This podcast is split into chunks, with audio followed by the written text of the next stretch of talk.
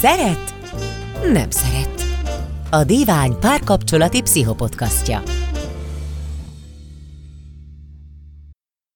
Sziasztok! Ez itt a Szeret Nem Szeret, a Dívány párkapcsolati pszichopodcastja. Én Sákovics Dianne vagyok, és itt ül velem a stúdióban Csonka Balázs. Sziasztok! Az előző adásunkban beszélgettünk a, a koronavírus járvány kapcsán azokról a, a pszichológiai folyamatokról, amit ilyenkor tapasztalhatunk magunkban, amik hatással vannak arra, hogy, hogy, hogy milyen a hangulatunk, hogy hogyan érezzük magunkat, és hogyan is vagyunk otthon.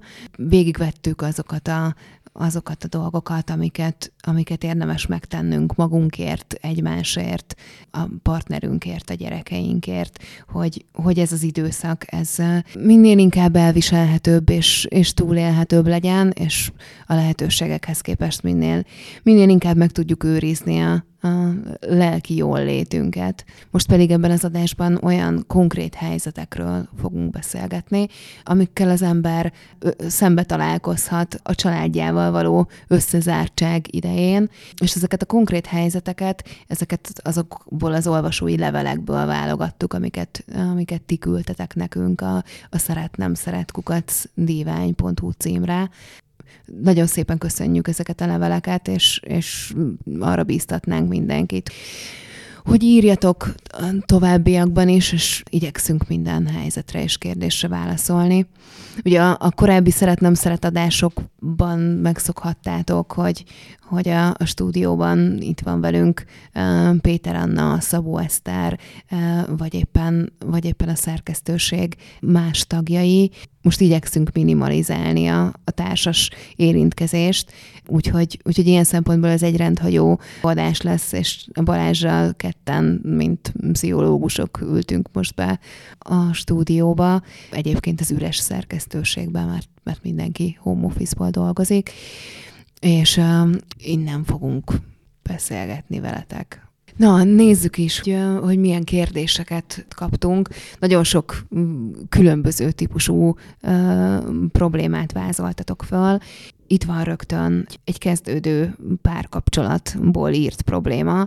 Ugye azt írja a hallgatónk, hogy, hogy néhány hete tart a párkapcsolatuk, és, és nagyon szívesen lennének együtt sokat, és felismerült, hogy esetleg össze kéne cuccolniuk valamelyikükhöz, de hogy hogy aggódik, hogy, hogy néhány hét ismerettség után összezárkózni valakivel hetekre, hónapokra, az nem nagy meggondolatlansága. Te mit gondolsz erről, Balázs? Uh, hát ugye a, kezdődő kapcsolatok egy jellemző sajátossága az a fajta közelségkeresés, hogy minél többet szeretnénk együtt lenni a másikkal. Ugye itt a, a, ezzel a járványügyi helyzettel kapcsolatban e, ez annyiban módosul, hogy, e, hogy azért itt számításba kell venni, hogy nem feltétlenül a legjobb arcát fogjuk a másiknak megismerni e, ebben a helyzetben. Ugye hát ez egy rendkívül sokféle feszültséggel terhelt helyzet, és ugye így az összezártságban ezek a feszültségek is mind, mind jelen lesznek, amit nyilván egy ilyen kezdődő kapcsolatban egyébként könnyebb kezelni, mint, mint máskülönben, viszont számolni kell azzal, hogy ez az ismerkedés, ez, ez nem feltétlenül a valós, tehát valószínűleg sokkal kevésbé hiszt is az illető, mint ami ennek ilyen helyzetben megismerjük. Hát igen, ez egy nagyon nehéz kérdés, mert ugye, ahogy te is mondtad, ugye ilyenkor nagyon szeretnénk minél több időt együtt tölteni a másikkal, és ugye minden információ, ami, ami jön a másikból, a másiktól, az, az minden újdonság, és úgy szoktuk ezt így magunkba szívni ilyenkor, mint a szivacs de hogy hát szóval, hogy ez egy, egy nagyon mindent elnyelő szivacsnak kell lennünk ahhoz, hogy, hogy ezt, ezt rögtön egy együttélésbe ö, fordítsuk, ráadásul tényleg ilyen, ilyen feszültség, feszültségektől terhes időben. Az ideális helyzet azért valószínűleg ilyenkor, ilyenkor az, hogyha ha lehetőség van arra, hogy, hogy mindenki el tudjon, tudjon vonulni a, a saját terébe, amit azért, amit azért egy együttélésben valószínűleg nehezen, nehezen lehet megoldani. Én nem tudom, én azért nem vagyok teljesen ellene ennek a dolognak, tehát hogy szerintem így uh, nagy veszteni való nincs ugye egy ilyen helyzetben, amikor éppen két ember megismerkedett. Tehát, hogy szerintem ez ez alapvetően nem egy rossz ötlet. Hát nem egy rossz ötlet, vannak azért buktatói, amikkel így érdemes, érdemes tisztában lenni, de nyilván a másik oldalról meg az, hogyha van egy, van egy kezdődő kapcsolat, amiben aztán két hónapig egyáltalán nem találkozunk, az, hát az nem fogja segíteni a kapcsolat fejlődését. Hát ez biztos, hogy nem. Hát ez egy ilyen mély víz, de szerintem így megugorható igen megugorható. Én azért azt javasolnám a hallgatónknak, hogy hogy ezért nagyon figyeljen oda magára, és a saját érzéseire, és arra, hogy tényleg pár nap vagy egy-két hét eltelte után is olyan jó-e neki ez, a, ez az együttlét. Én abszolút bátorítanám őket. Szóval, hogy akkor kedves hallgatónk, most itt egy óvatosabb és egy, egy lelkesítő uh, pszichológiai véleményt hallottál, úgyhogy hát hajrá, drukkolunk. Hajrá. Másik olvasónk azt mondja, hogy párja folyamatosan híreket olvas, a víruson pörög, neki ez túl sok, amikor mondja, hogy ne beszéljen róla ennyit, mert kikészül, akkor pedig megsértődik, hogy nem támogatja őt. Hát ez valószínűleg egy olyan helyzet, amivel, uh, amivel sok hallgatónk szembesülhet most, hiszen teljesen más, hogy kezeljük, és, uh, és igyekszünk feldolgozni ezt a helyzetet, amiben, amiben most vagyunk, és máshogy állunk hozzá a, a járványhoz, máshogy állunk hozzá a járványjal kapcsolatos információkhoz, mások a, mások a határaink, más az a szint, ahonnan, ahonnan túltelítődünk. Ugye az előző adásban beszélgettünk arról, hogy, hogy fontos látni, hogy ez egy, ez egy krízis helyzet. És a krízis helyzetek jellemzője, hogy a figyelembe tud szűkülni, és csak magára a, a problémára fókuszál az ember, amiben aztán ugye eszkalálódhatnak a, a különböző érzelmek, általában ugye a negatív érzelmek, a szorongás, a, a félelem, a, a bizonytalanságnak a, az érzése, és akkor, amikor, amikor bizonytalannak érezzük magunkat, és félünk, tehát nem érezzük magunkat biztonságban, akkor, akkor fokozottan szükségünk van arra, hogy, hogy, hogy társas támogatásra lejjünk.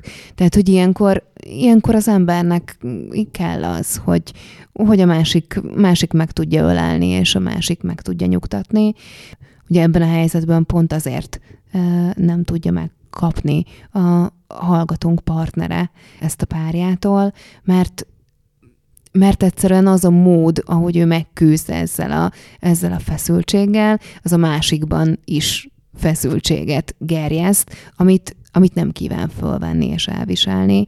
Um, szóval, hogy azt gondolom, hogy, hogy ebben a szituációban nagyon fontos az, hogy, hogy ne a hírekről beszéljünk, hanem, hanem arról beszéljünk, hogy milyen érzéseink vannak ezzel a helyzettel kapcsolatban. Mert hogyha az érzéseinkről beszélünk, akkor, akkor sokkal valószínűbb, hogy, hogy megkapjuk azt a, azt a támogatást, amire szükségünk van.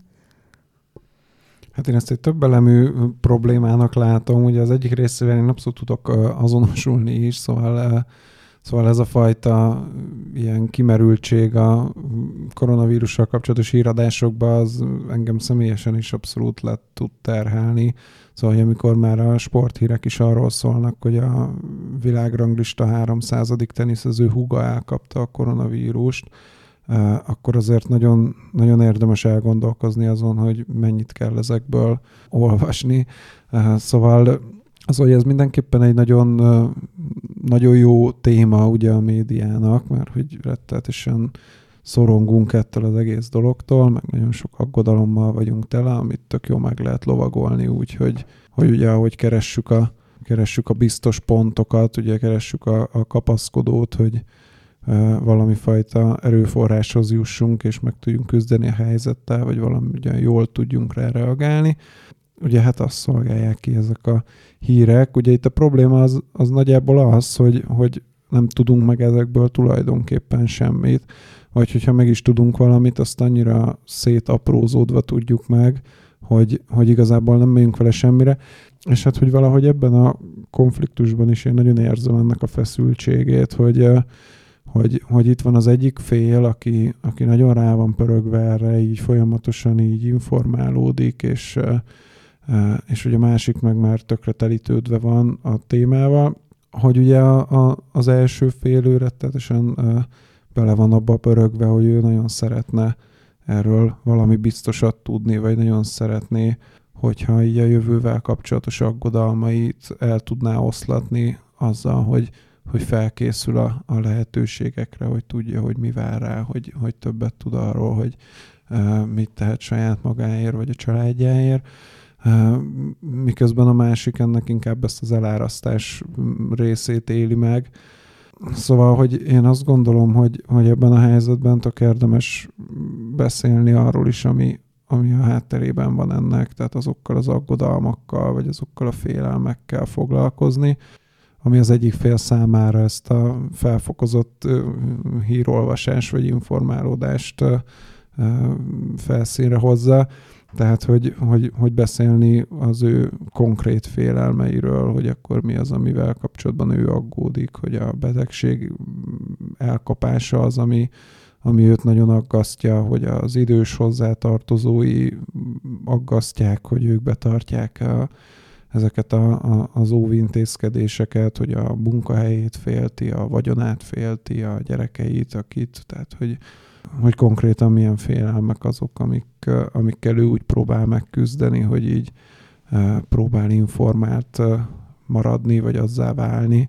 Ugye én ebben érzem a hiányt, tehát hogy amikor ő azt mondja, hogy ő nem talál megértésre, akkor, akkor ő tulajdonképpen erre vágyik, hogy, hogy ezekkel a, ezekkel a félelmeivel, vagy e, ezekben a félelmeiben kapjon támogatást, és hogy ugye itt meg is kerültük azt a problémát, hogy a másik fél pedig, vagy hogy a másik félnek már ugye az agyára mennek ezek a, a hírek, mert itt tulajdonképpen a hírek leginkább ilyen eszközök a megküzdésében az illetőnek, tehát hogy azt érdemes megnézni, hogy, hogy mi az, amire ő ezeket használja, és arról beszélni, és akkor nem kell a, nem kell a hírekről beszélni konkrétan. Következő hallgatónk azt írta, hogy hogy a párom nem veszi olyan komolyan a vírust, ide-oda mászkál még, félek, hogy hazahozza a fertőzést, de hogy nem tudom meggyőzni. Mit lehet ilyen helyzetben tenni vajon, amikor, amikor egészen más, hogy látjuk a kialakult helyzetet? Hát igen, ez egy baromi nehéz helyzet.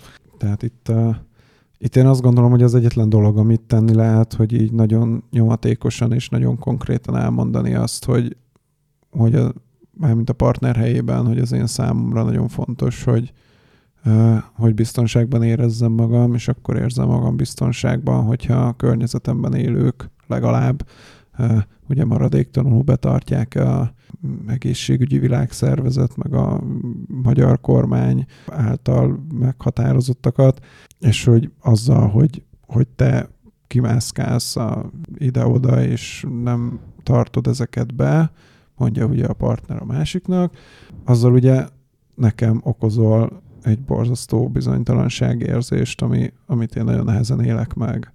Igen, hát ez egy, ez egy nagyon ilyen klasszikus konfliktus helyzet, amikor, amikor egészen mást akarunk. Hogyha valaki tagadja a, a veszélyhelyzetet, az is lehet a, a megküzdésnek ugye egy bizonyos formája. Tehát ugye ez egy nagyon egyszerű megküzdési megküzdési mód, tehát hogyha ott van egy probléma, és azt mondjuk, hogy nem, az nincs is ott, akkor nem kell azokkal az érzésekkel szembenéznünk, vagy azokkal az érzésekkel kezdenünk valamit, amit ez az adott helyzet ugye előhív bennünk. Nem kell szembenéznünk a, a félelmeinkkel, a, a szorongásunkkal, és meg tudjuk tartani a, a kontroll érzetünket. Ez persze nem ezt jelenti, hogy ez a, az életben maradás szempontjából a a legjobb, a legjobb alkalmazkodási módszer lenne, sőt. Ugye az a, az a nehéz ebben, hogy mivel ez a viselkedés alapvetően az érzelmekről szól, tehát arról szól, hogy az illető nem tudna a negatív érzéseivel mit kezdeni. Azok a racionális érvek, amiket fel tudunk hozni ilyenkor, hogy a saját, biz- saját igazunkat bizonyítsuk, azok nem nagyon fognak érni ebben a helyzetben semmit. Hát uh, itt ugye kérdés szerintem azért az, hogy, hogy az illetőnek az érzéseiről szól. Igen, az egy nagyon gyakori dolog, hogy, hogy ugye valaki tagadással reagál ezekre a helyzetekre, viszont simán lehet, hogy tehát simán lehet -e mögött például tudatlanság is, ami egy mondjuk sokkal egyszerűbb helyzet, mert hogy, mert hogy pont azért, mert hogy tudunk azért objektív tényeket ebben, tehát hogy aki így amiatt nem tartja be ezeket, mert valamilyen Facebookos fórumon, vagy valamilyen internetes szájton ugye olvasott valamit, hogy ez igazából nem is veszélyes, meg csak összeesküvés elmélet, stb. Tehát annak általában meg lehet mutatni, hogy az egészségügyi világszervezet által megfogalmazott ajánlások teljesen nyilvánosak. Ugye az operatív törzs naponta tart sajtótájékoztatót, tehát hogy, hogy minden ilyen hivatalos forrásból származó dokumentáció az elérhető. Tehát, hogy, hogy minden esetre érdemes megvizsgálni, hogy itt, hogy itt miről van szó. Hát, hogyha ugye erről tagadásról van szó, az, az egy sokkal nehezebb helyzet, azt hiszem, és hogy ott azt hiszem az az egyetlen, egyetlen járható út kijelölni a saját határaimat a másik felé, hogy, hogy azt mondani, hogy ez nekem így nem fér bele, hogy veszélynek teszel ki engem, meg a nem tudom, idős családtagjainkat. No, egy, egy másik levélíró pedig a következőket írja, idézem. Nekem az a nehéz, hogy a férjem meg a gyerekem is elég introvertáltak, így én vagyok sok nekik szerintem ekkora dózisban, én meg több interakciót szoktam meg napközben. Igen, hát ez egy nagyon, nagyon nehéz helyzet, mert uh, ugye az összezártság, amiben, amiben belekényszerülünk, azért az egy fokozott alkalmazkodást igényel minden oldalról.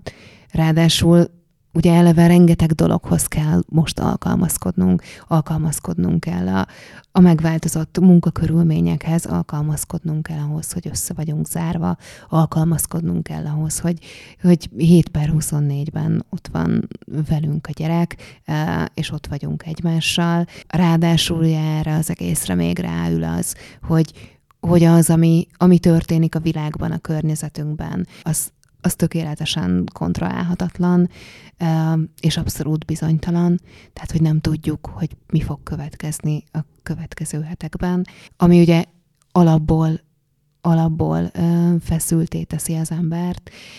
Na most feszült helyzetben még abban is alkalmazkodni, hogy, hogy mi az, amit én, én magamból kifejezhetek, és hogyan, az, az biztos, hogy borzasztóan nehéz.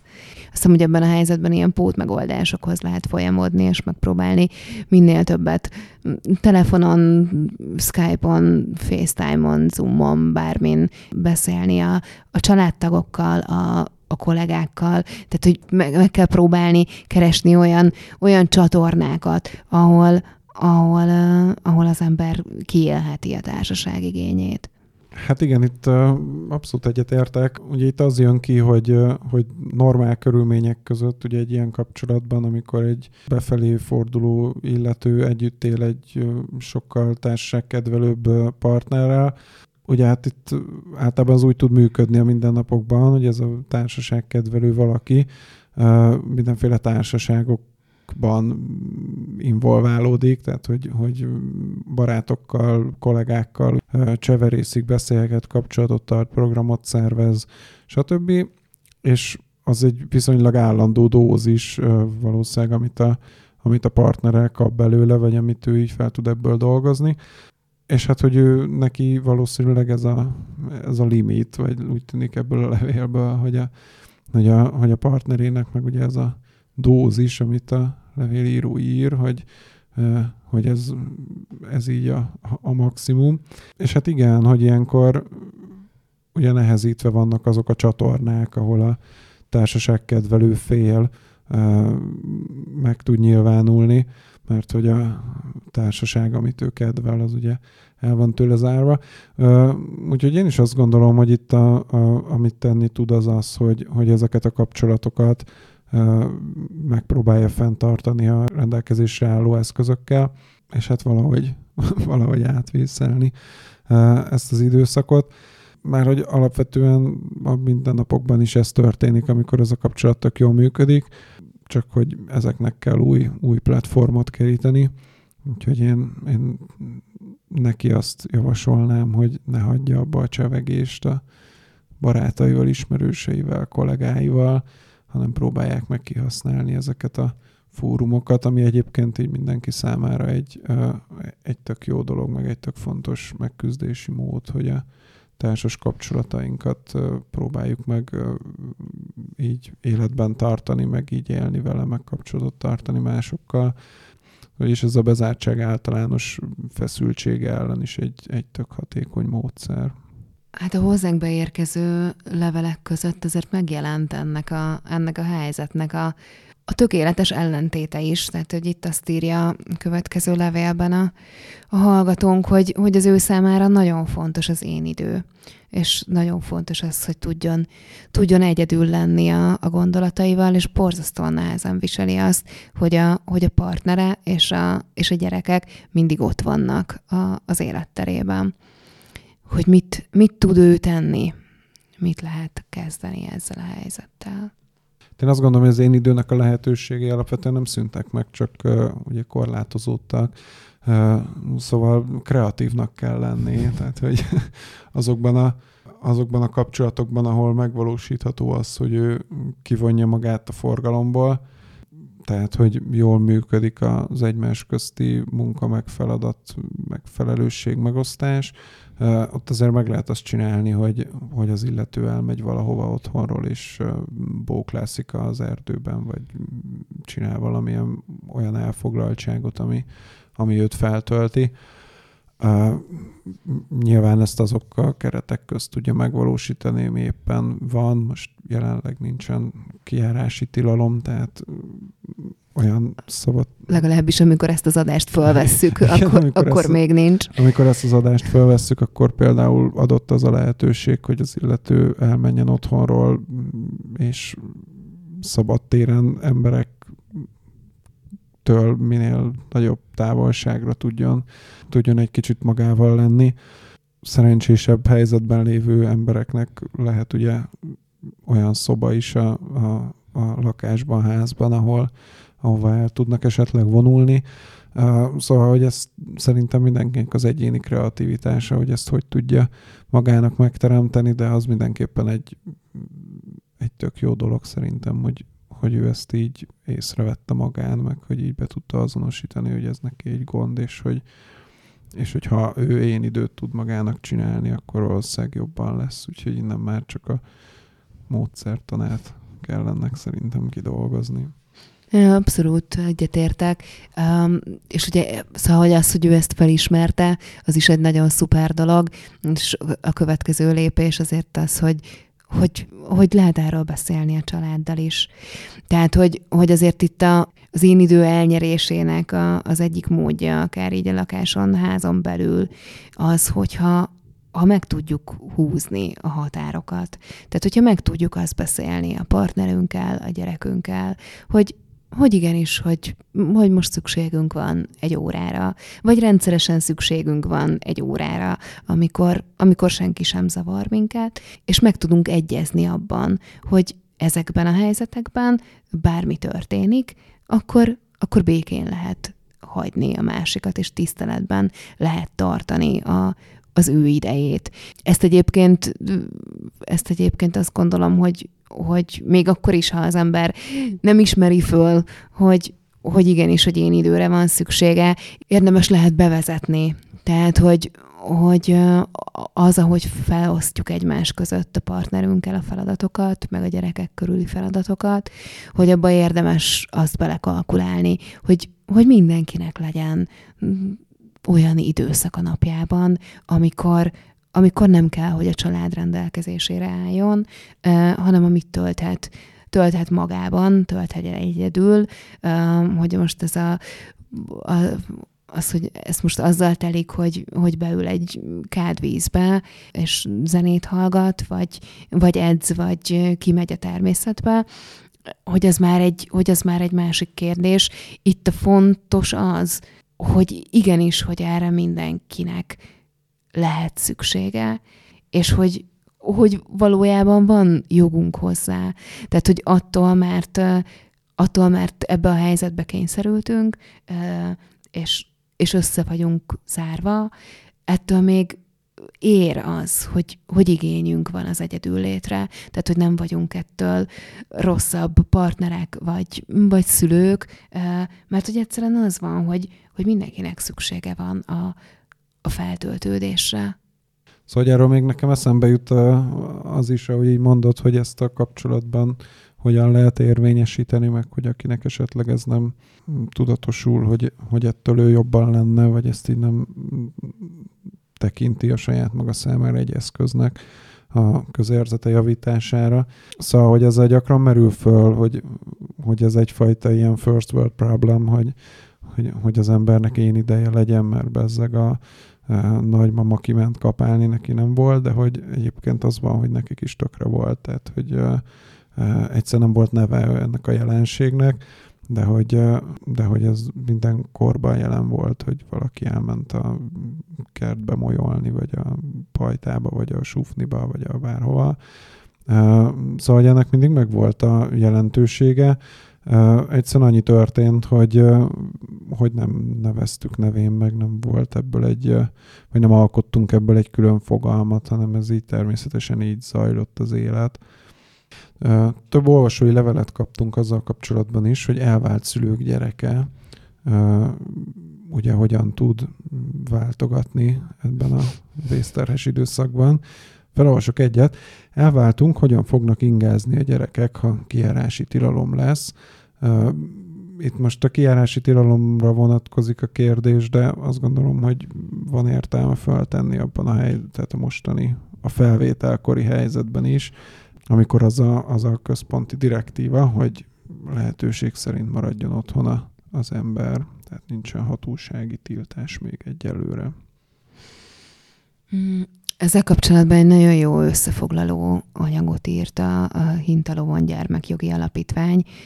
Ezt linkeljük majd a, a cikkbe, úgyhogy ott, ott el tudjátok olvasni.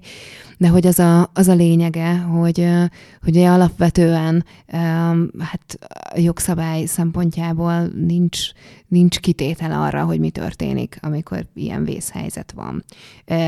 De hogy, hogy a mostani jogi értelmezések alapján azért az látszik, hogy a kapcsolattartásnak a joga az, az nem szűnik meg attól, hogy, hogy vészhelyzet van. Hogyha ha van arra lehetőség, tehát uh, senki sem járt külföldön, senki sem beteg, tehát hogy pont ugyanúgy tudna elvileg a gyerek találkozni mindkét szülővel, mint ahogy, uh, mint ahogy korábban, akkor, akkor ennek a lehetőségét azt, azt biztosítani kell. Ha pedig, ha pedig ez valamiért akadályozva van, akkor pedig, akkor pedig érdemes más kapcsolattartási formákat bevezetni. Tehát, hogy online kommunikálni, telefonon, videócseten, tehát hogy bármilyen ilyen elérhető fórumon.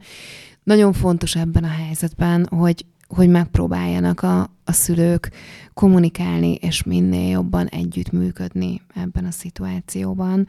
Uh, ami biztos, hogy borzasztó nehéz lehet bizonyos esetekben a gyakorlatban, tehát hogy főleg ott, ahol, ahol mondjuk eleve feszült a helyzet a, a, a két szülő között, e, és eleve nehéz megállapodni e, bármiben.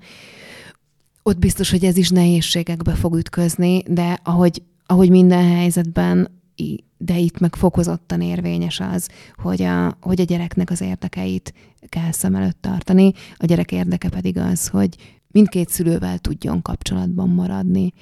Azt, tehát a, a Hintalovon kiadványában egyébként arról is lehet olvasni, hogy akkor, hogyha valamilyen ok miatt akadályozva van a, a kapcsolattartás, akkor azt következő fél éven belül be lehet pótolni. Tehát lehet azt mondani, ha olyan helyzet alakul ki, hogy oké, okay, akkor most velem van a gyerek ennyi ideig, de hogy, de hogy, de hogy az az idő, ami a másik szülői lett volna, akkor az később, később bepótlásra kerül.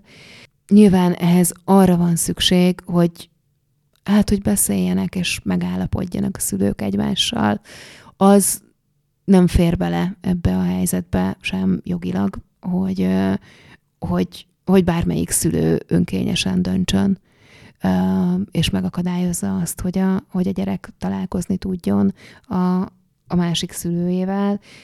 Ha ez mégis megtörténik, akkor, akkor, akkor, abból, akkor abból bírósági ügy is lehet és hogy amit még kiemel a gyermekjogi alapítvány, és ezt, ezt egy nagyon fontos dolognak tartom. Tehát, hogy ezt a helyzetet felhasználni arra, hogy az ember bosszút álljon, vagy hogy elidegenítse a, a gyereket a másik szülőtől, az, az nem csak etikátlan, hanem abszolút ellentétes a, a gyerek érdekeivel is.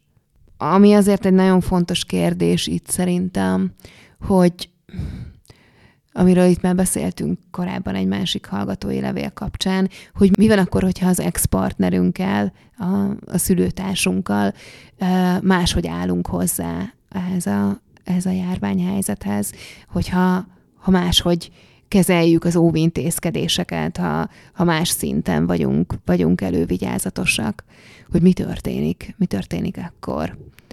De, de hát azt gondolom, hogy, hogy erre is ugyanaz vonatkozik, mint amit, mint amit beszéltünk erről a témáról korábban.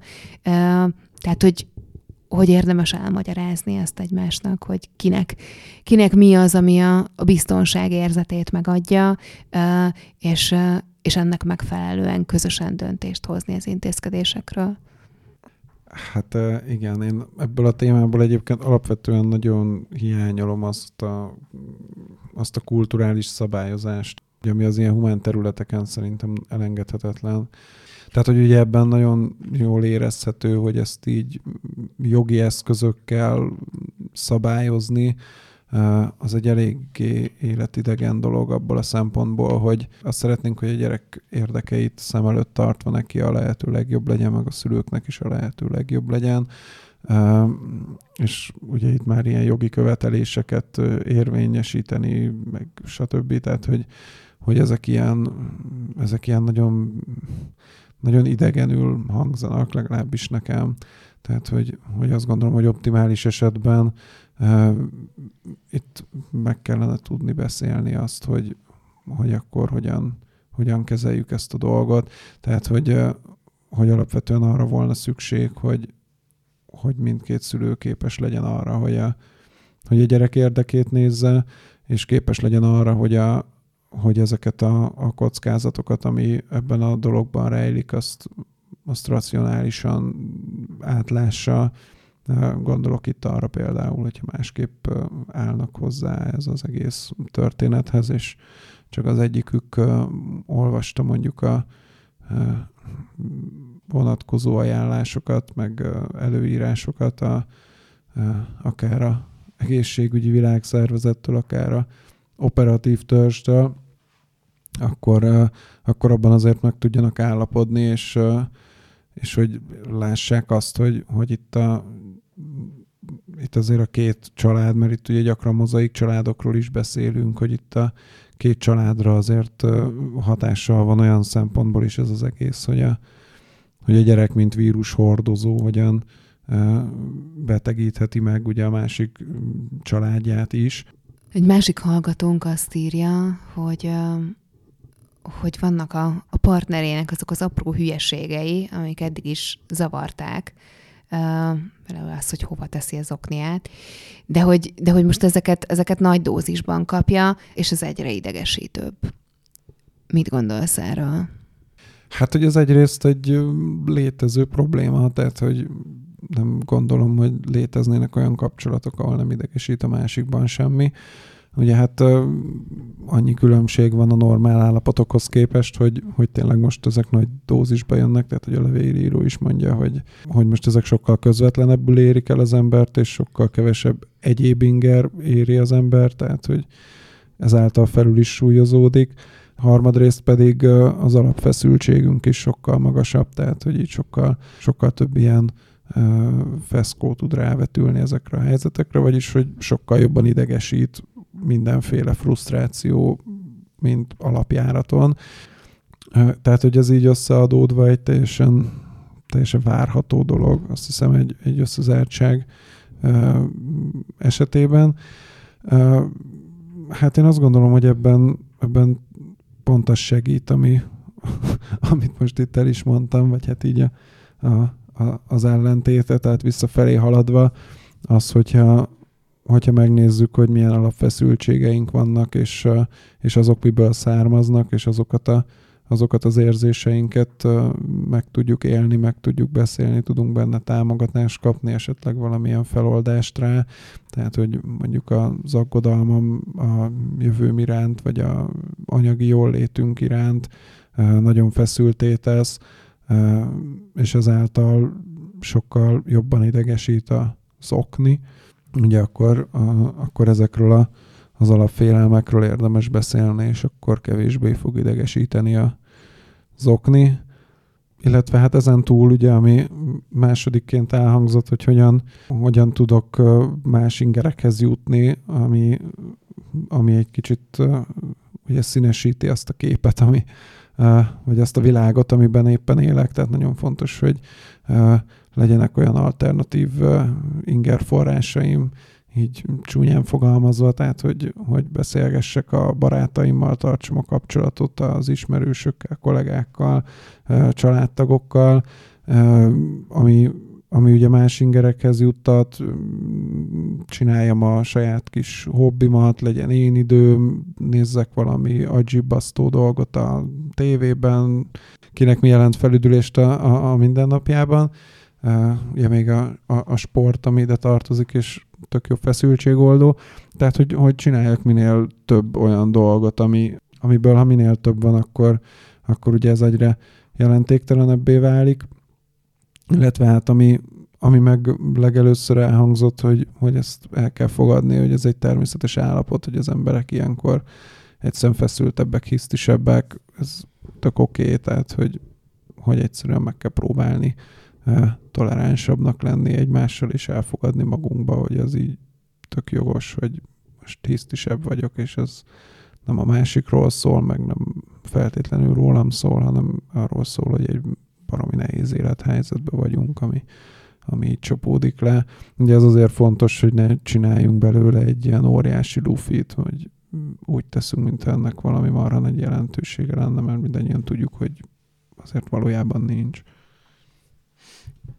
Hát igen, egyébként ez a, a hova, hova rakta le az okniát, vagy miért nem, miért nem vitte le a szemetet, vagy miért csámcsog típusú ilyen idegesítő szokások egy, egy, egy teljesen normál helyzetben is felvetnek azért kérdéseket, hogy, hogy ez, ezek azért ritkán szólnak arról, ami így elsőre látszik. Tehát, hogy ez nem, a, ez nem az okni, ez nem a, ez nem a szemét, és nem a, nem a csámcsogás körül forog, hanem, hanem a körül, hogy, hogy ez valójában mit jelent számunkra.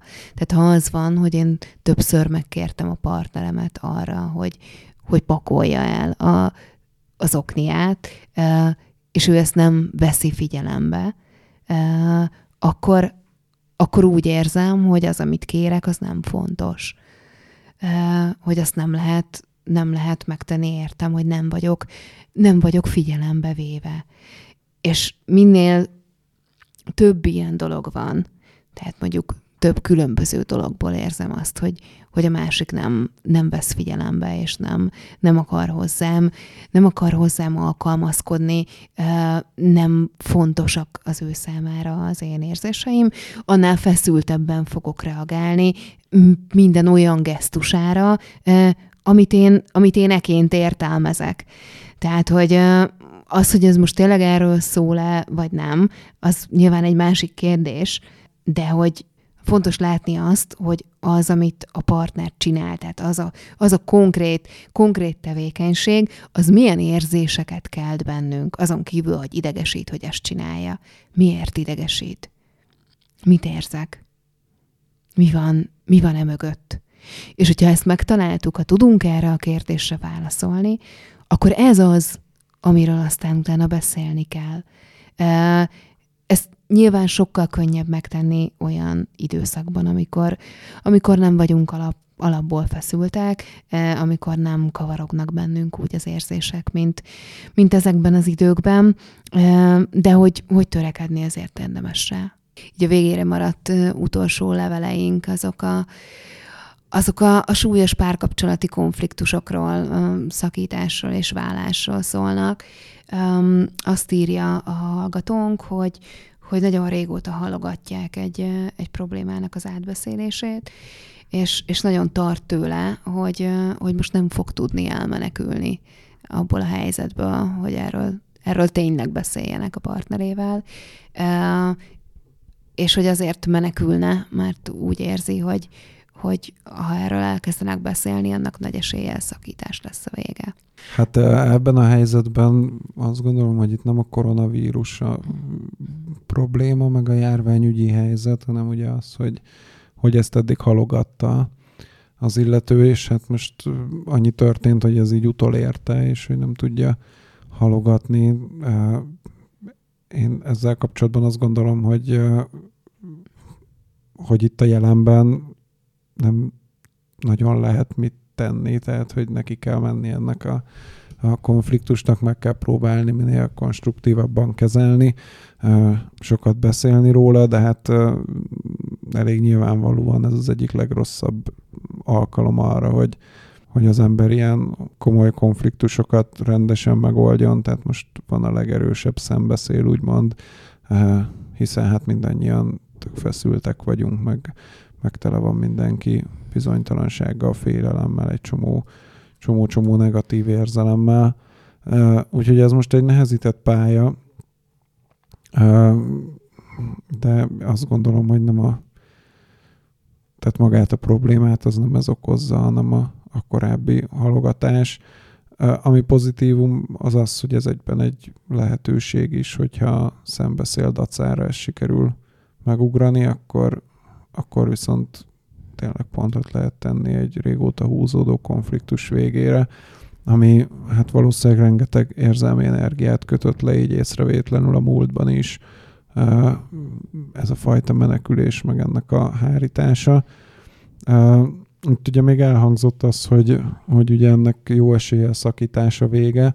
Ugye az még egy, az még egy nehéz sztori, hogyha, hogyha egy pár szakít éppen, akkor, akkor a, ha ez szétköltözéssel jár, vagy ilyesmivel, akkor, akkor azt hogyan lehet így a, a hogyan lehet így realizálni. Tehát, hogy ez, ez, ez egy nagyon nehéz része ennek, de hát ez meg már nem egy pszichológiai, hanem egy logisztikai kérdés szerintem. Ez nagyon érdekes, hogy pont ezt mondod, mert pont erről szól a legutolsó levelünk is. Tehát, hogy ott Nem olvastam. ott azt írja, azt írja a hallgatónk, hogy hogy már szakítottunk a feleségemmel, de nem tudtam még elköltözni, és most itt maradtunk összezárva, hogy lehet ezt elviselni. Hát itt ugye nagyon nagy különbség van, azt hiszem a régóta levegőben lógó ilyen szakításvállás és az ilyen tragikus hirtelenséggel beköszönt esemény között. Ugye hát elsősorban azért, mert hogy, hogy más a, a, kettőnek a lefutása. Ugye egy vállás vagy egy szakítás az mindenképpen egy olyan veszteségélmény, aminek a feldolgozásába nagyon szorosan bele tartozik az, hogy, hogy, hogy ezt át érdemes beszélni a másikkal, hogy ki kell fejezni azokat a, a, a, az érzéseket, ami, ami ezzel kapcsolatban bennünk van, vagy él, vagy bennünk ragadt, uh, illetve tök érdemes megbeszélni azokat a dolgokat, amik, amik ennek a, az érzelmi vagy egyéb tanulságai a, a, a kapcsolatnak, és hogy és ugye az a kérdés, hogy erre a szintre fel tud-e lépni egy olyan kapcsolat, ami a, közelmúltban ért véget. Ugye amikor egy ilyen nagyon uh, kvázi váratlan szakítás vagy vállás történik, akkor ott az egész más folyamatokkal indul, tehát hogy az, az egy ilyen sokkal terheltebb érzelmi helyzet, amikor az ember még így az elején ugye nem, nem nagyon akar tudomást venni erről az egészről, hogy nagyon nehezen fogadja el ezt egy valóságnak, hogy baromi dühös, hogy mindenféle érzések kavarognak benne. Viszont, hogyha, hogyha ugye ez már egy, egy régóta húzódó történet, akkor van arra esély, hogy, hogy el tud ez érni arra a szintre, hogy, hogy lehet akkor olyan beszélgetéseket is folytatni, ami, ami, ami viszont nagyon előremutató, és, és ilyen értelemben egy lehetőség ez a fajta összezártság arra, hogy, hogy mindketten egy csomót tanuljanak a, a, a, a, múlt, a közös múltjukból. Nagyon egyetértek veled ebben a kérdésben, pont, pont azon gondolkoztam, miközben, miközben beszéltél, hogy ugye nagyon sokat beszéltünk a, a negatív hatásairól és a következményeiről ennek az egész kialakult helyzetnek, de hogy meg lehet ebben a helyzetben találni azokat a dolgokat, amik, amiktől akár, akár még jobb is lehet hosszú távon az életünk. A, régóta húzódó konfliktusoknak a, a megbeszélése, a megoldása, a, azoknak a kérdéseknek a, a tisztázása, amik, amik, amik már régóta ott vannak bennünk. Tehát, hogy az, hogy az, hogy legyen lehetőség arra, hogy a, hogy a partnerünkkel ténylegesen mély beszélgetéseket folytassunk, amit esetleg időhiány vagy egyéb okok miatt nem tettünk meg korábban. Tehát, hogy ezek mind lehetőségek, lehetőségek arra, hogy, hogy, hogy közelebb tudjunk egymáshoz kerülni, hogy tisztábbak tudjanak lenni a, a kapcsolataink, tehát akárhogy is alakul egy kapcsolat, legyen az a kapcsolatnak a, a folytatása, vagy legyen az egy szakítás, az egy, az egy nagyon fontos dolog, hogy, hogy ne maradjanak bennünk tüskék, ne maradjanak bennünk kimondatlan érzések, hogy lehessen anélkül élni, és anélkül gondolni a másikra, és anélkül kapcsolatba kerülni vele, hogy, hogy, hogy még tele vagyunk feszültségből épített falakkal. Azt érdemes szerintem még ezzel kapcsolatban uh, itt megemlíteni, hogy uh, hogy ezeknek a pozitív hatásoknak, vagy lehetséges pozitív hatásoknak, vagy tapasztalatoknak akkor lesz igazán tere, hogyha hogyha a környezeti bizonytalanság az minél kisebb lesz. Tehát akár ha makroszinten nézzük, tehát hogyha minél többet megtudunk biztosat arról, hogy, hogy meddig, meddig leszünk otthon maradásra kárhoztatva, és mikor jelenhetnek meg olyan fejlesztések, akár tesztek, oltások, gyógyszerek, ami, ami véget vethet ennek a dolognak, akár gazdasági szinten, hogy így pontosan hogyan érinti akár a, a világgazdaságot, hazai gazdaságot, vagy ezt a konkrét szektort, vagy céget, ahol, ahol mi magunk dolgozunk, akkor már egy sokkal kiszámíthatóbb és biztonságosabb környezetben érezhetjük magunkat, és sokkal kevesebb lesz az az alapszorongás, ami most, ami most nagyon magas, és hogy ennek azt gondolom, hogy van egy, van egy ilyen mikroszintje is, tehát hogy most már így néhány hete tart ez az állapot, hogy, hogy ugye otthon igyekszünk lenni. És hát, hogy ez önmagában is egy nagyon új élmény, amit ugyanúgy tanulni kell, mint, mint bármi más változáshoz, ahogy alkalmazkodunk az életben. Tehát azt gondolom, hogy a, ennek is van egy olyan vonatkozása, hogy ezt minél jobban megtanuljuk, hogy hogyan tudunk minél teljesebb életet élni ebben a, a bezártságban, és ki tudunk alakítani egy olyan napi rendet, ami, ami élhető, bele tudunk venni olyan elemeket, ami érezhetően növeli a jól létünket, akár a barátainkkal, családunkkal való kapcsolattartást, akár a, azokat a tevékenységeket, amik, amik feltöltenek vagy kikapcsolnak minket. Szóval, hogy ezek mind, mind, mind segítik azt, hogy ez az alapfeszültség idővel alább hagyjon, és, és hogy ezek valódi lehetőségekké váljanak ezek a nagy beszélgetések, amire elvileg most sokkal több lehetőségünk van gyakorlatilag, viszont azt érezzük, hogy, hogy azért sokszor nagyon, sokkal nagyobb feszültségben telnek, mint, mint ahogy az várható. Hát akkor reméljük, hogy hamarosan javul a helyzet. Az adásunk ezzel itt véget is ért. Jövő héten újra jelentkezünk. Köszönjük a figyelmet, sziasztok! Sziasztok! Ennek most sajnos vége. De ha kellene még, gyere el a divány.hu szeret-nem szeret oldalára. A műsor a Béton partnere.